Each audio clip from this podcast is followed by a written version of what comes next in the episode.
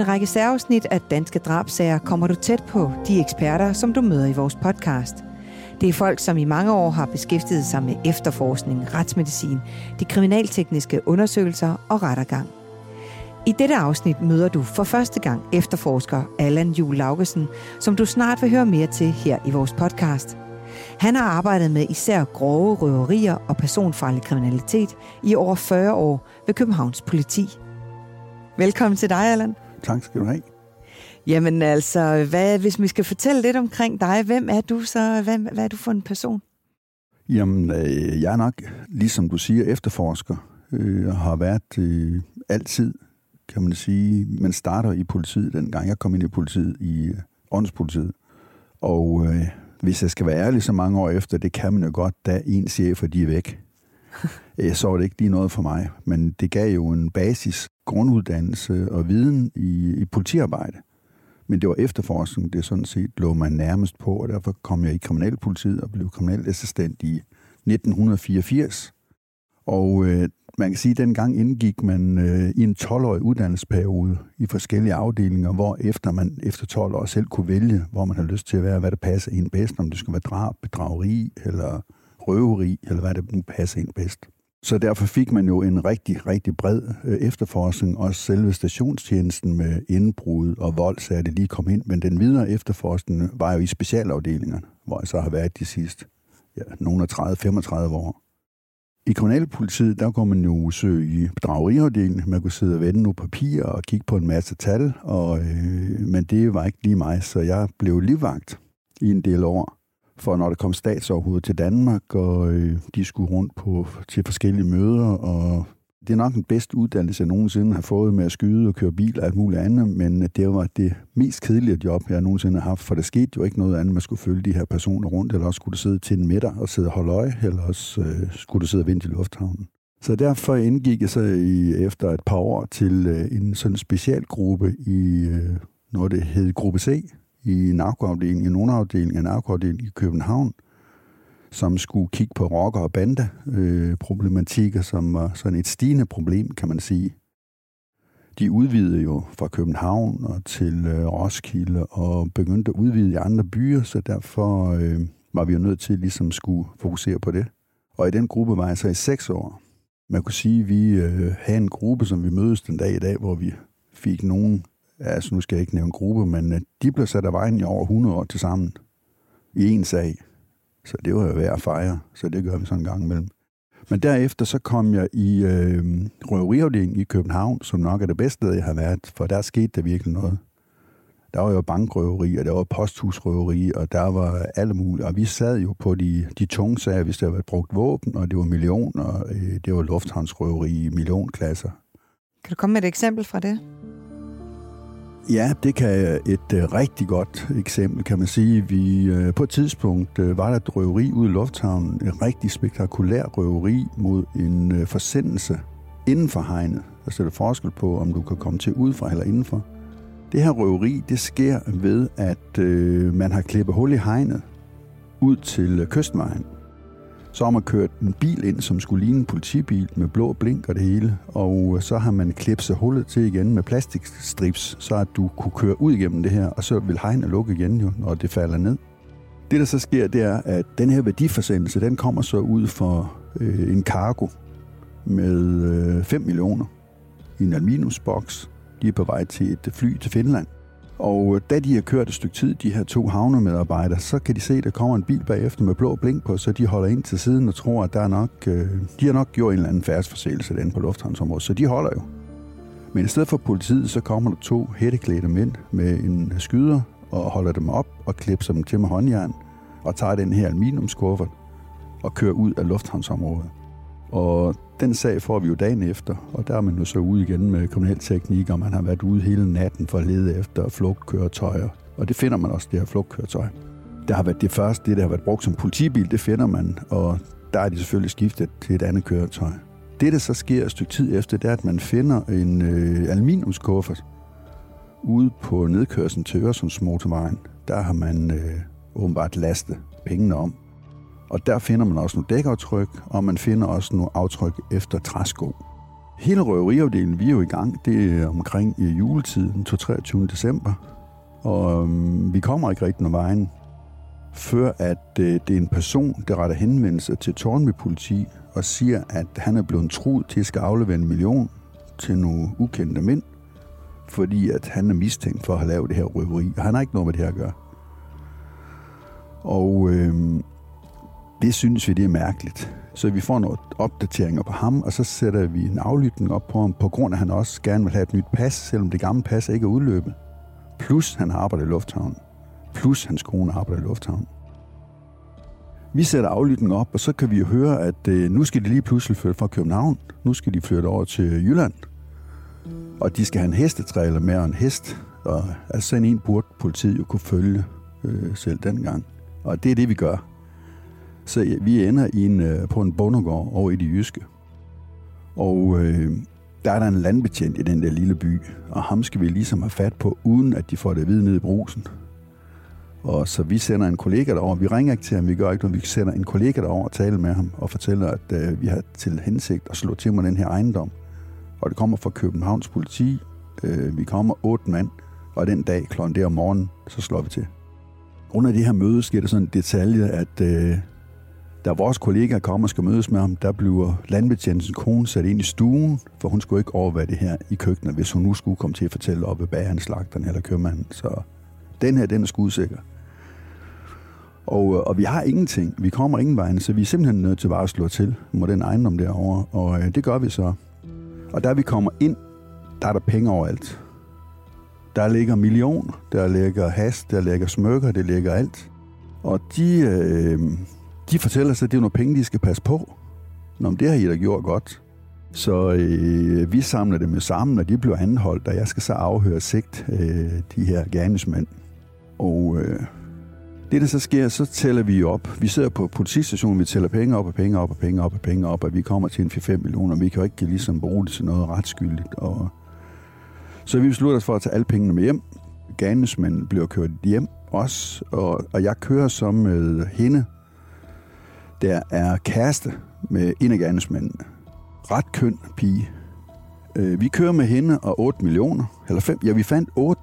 Det var røveri for 5, men vi fandt 8. Og de sidste, får en historie på senere. Så vi kører mod København, og så øh, er man jo, som man er. Så da vi nærmer os København, kan du køre sydover, og du kan også køre ind til politigården. Og så siger jeg til min kollega, øh, hold til højre. Da vi, skal vi ikke prøv lige at se, hende der 8 millioner, hvad skal vi i København? vi kører ind til Københavns politigård, og så øh, øh, sætter vi de her penge i, øh, et, sådan et kosterum, hvor jeg har nøglen til. Og det ved min chef ikke, jeg har nøglen til. Så for, altså, altså penge er kun penge, så siger jeg til Gert, skal vi ikke prøve at gemme de penge? Så når chefen kommer, så falder han om, mand. Det vil han ikke være med til, så vi lader de der penge stå. Men øh, efterforskningen for sig, kan man sige, den øh, førte jo til, at de blev dømt øh, for det her røveri. Og det, der sker, det er, at de 3 millioner, som var i overskud, det stammer fra et tyveri i lufthavn. Dengang kunne man jo af, altså når et fly kom fra et eller andet sted til København, kunne man jo se, hvis de har haft medvind, så landede de måske en halv time før en beregning. Og alle værdiforsendelser, de var i blå poser. Og så kunne man jo bare øh, åbne dem, og så komme aviser i, og så sætte stripsen på igen, og så sende den videre til Hamburg, og så havde du pengene. Så... Men de blev dømt. Det var et eksempel. Ja, på din tid i, øh, i røveriafdelingen. Ja, ja, der er mange.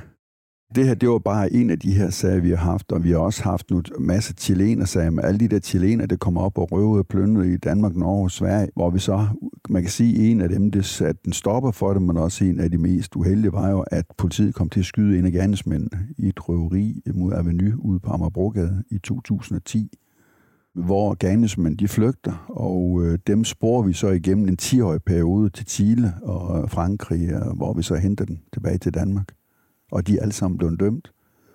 Og der har ikke været et røveri mod guldsum i Danmark og Norge og Sverige siden den 10. oktober 2010. Ja, det er vildt. Så har jeg været en del på Grønland også nogle gange i forbindelse med Greenpeace-aktioner, hvor at, øh, på Thulebasen, hvor man var bange for, at Greenpeace skulle gå ind på Thulebaseområdet, øh, og så blev vi sendt op for ligesom at, at kommunikere med basens ledelse, amerikanske øh, baseledelse, og så Greenpeace-aktivister så er der ikke blevet nogen konfrontationer. Og så er, er der så svært op som almindelig på sådan en seks måneders turnus, hvor sommerassistance, hvor du sejler rundt til alle bygderne øh, og laver politiforretninger. Og så har jeg været i, ja, så blev vi slået sammen med røveri og drab, hvor jeg så har været de sidste mange år her. Hvordan er det at efterforske en drabsag? Det er jo et rigtig, rigtig stort spørgsmål, for en drabsag kan jo tage øh, ingen tid. Altså, altså for eksempel, øh, som de oftest er i øh, nære relationer, kan man jo sige, at der er, altså hvis manden slår konen ihjel i under et eller andet øh, skilsmisseforhold, eller der kan være andre ting, at det er jo ligesom til at gå til. Og så har vi også en drabsag, hvor du bare finder et lig, øh, måske det har ligget rigtig lang tid, så har man virkelig udfordring og problemer.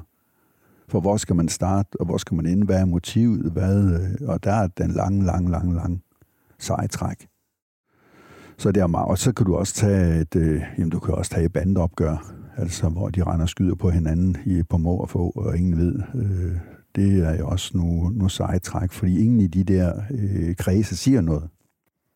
Man kan ikke bare gå ud og, og ringe på i klubben, så høre, hvad, øh, om de har noget mistænkt.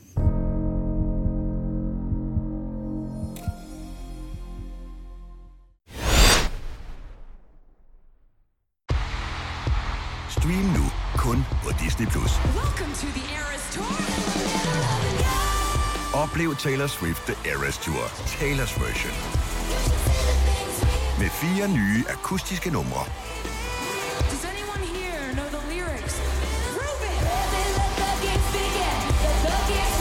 Taylor Swift The Eras Tour, Taylor's version.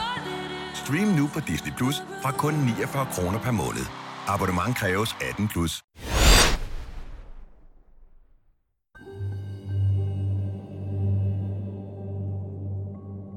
Du havde øh, på et tidspunkt en sag øh, mod en cykelsmed Ja. i København. Ja. Kan du ikke prøve at fortælle os om den sag? Jo, det kan du tro. Det er en cykelsmed ude på Østerbro, som øh, vi får den simpelthen bare som et øh, hjemmerøveri øh, mod en cykelsmed. Og så tænker man jo lidt over, hvad er altså, altså et hjemmerøveri mod en cykelsmed, det kan vi, det lyder lidt mærkeligt. Vi kører ud, og det er så en helt speciel herre ude på Østerbro, øh, som ejer nogle ejendomme og har en masse våben, fordi han går på jagt og, og har, øh, jeg vil kalde ham formuen. Det, der sker, man kan se på overvågning, at øh, klokken 5 øh, om morgenen, 5.30 om morgenen, der er der nogen, der forsøger at, at brække døren ind til porten øh, til Østerbrogade, hvor han bor. Og det lykkes for dem. Øh, de sætter sig op på 5. sal, øh, fordi de kender hans rytme. Han hver eneste morgen klokken 7, der går han, tager han ud i Bærstofparken med sin ruhårde hønsehund, som sin jagthund, og lufter den. Kommer han hjem klokken 7, halv 8, går i bad, og så går han ned klokken 8 og åbner sin forretning. Og det har de vidst. Der har været, øh, de har haft observationer, det kan vi også se på overvågning. At de har været flør, tidligere dage om morgenen. Det, der sker, det er, at han, øh, de her to gerningsmænd, de sætter sig op på femte sal, og der sidder de og venter. Og så kommer der en dame ud fra en lejlighed derop, og så siger, at de må ikke sidde der, og de skal gå. Og, og det skal de nok sige det, men de bliver siddende, når hun går, hun skal på arbejde. Og der cykelsmeden klokken 5 i 8 åbner sin dør for at gå ned i forretningen, der øh, presser de ham ind i lejligheden, og han slår igen. Han er ret kraftig og stor. Han slår igen, men de får ham væltet ned øh, mellem en sofa og et sofabord. Og øh, der øh, får de øh, en snor omkring hans hals, og han bliver også slået øh, med koben, så han sådan set ødelægger sin strubehoved, så han ikke kan få luft. Og øh, der er så en, der siger øh, penge, penge sådan på svensk, penge penge et eller andet, og det, og det er to udlændinge, så det lyder mærkeligt, men øh, det er det, de siger. Og så skubber de ham. Det er en lejlighed på 250 kvadratmeter. Ned igennem de lange korridorer og forbi dørene, og ned til de kommer ned til et stort våbenskab. Og der vil de ham til at åbne det her, men han siger, at han kan ikke, fordi at øh, de er flere sammen om det her våbenskab, og de skal være alle til stede med deres kode, for de kan åbne det, det kodeskab. Og så stikker de ham med kniv nogle gange øh, i lår og i, øh, i arm og sådan noget. Og til sidst så besvimer han simpelthen, fordi han kan ikke få luft på grund af, de knust strubehoved på ham og han falder om, og så en af gerningsmændene siger, at han er død, vi går. Så de går, Og øh, det, man kan se på overvågen, det er, at de kommer gående ud. Man kan også se, at de går og kigger på en telef- telefon, mobiltelefon.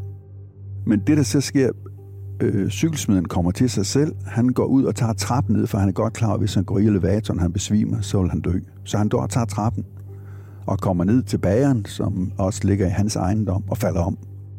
Så bliver han kørt på hospitalet, og man lægger sådan en stålrør ned i hans øh, hals, øh, så han kan få luft og struben og alt det.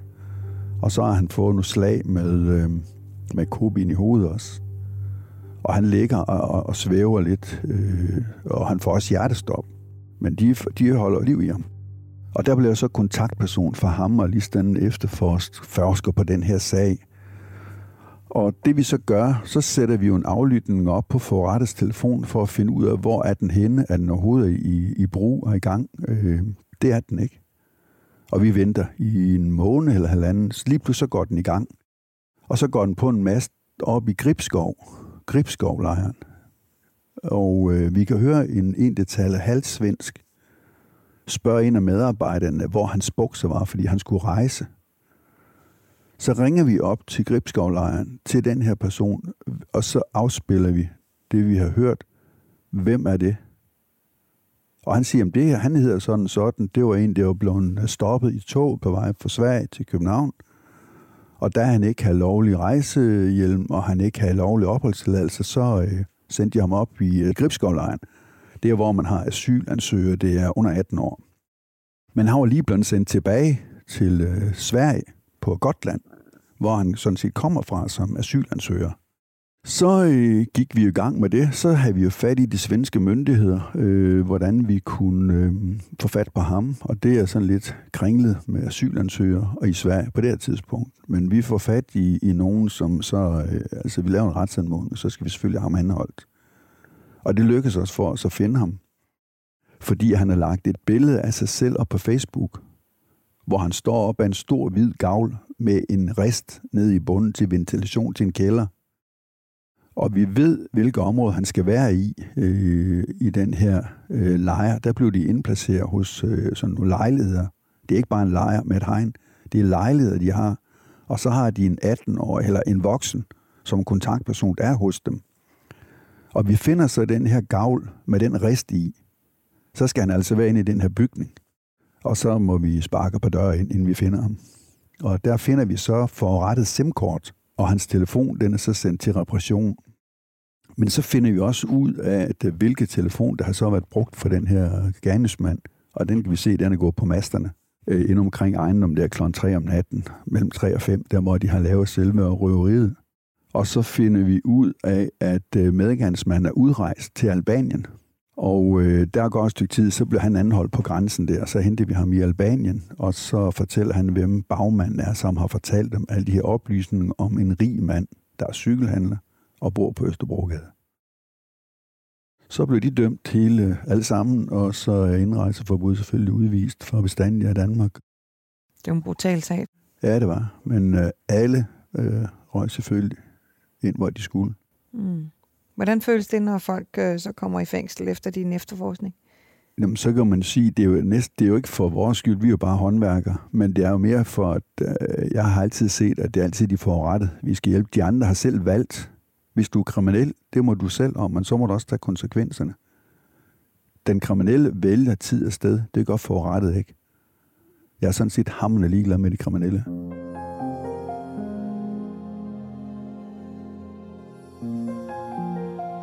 Jamen, det var jo rigtig spændende at høre en lille bitte, bitte smule om dit liv, Allan, og det al den efterforskning, du har lavet igennem de her mange år. Så tak, fordi du øh, vil fortælle os lidt om det. Musik her var af potmusik.dk. Det er klippet af Rasmus Svinger og produceret af Bauer Media og True Crime Agency.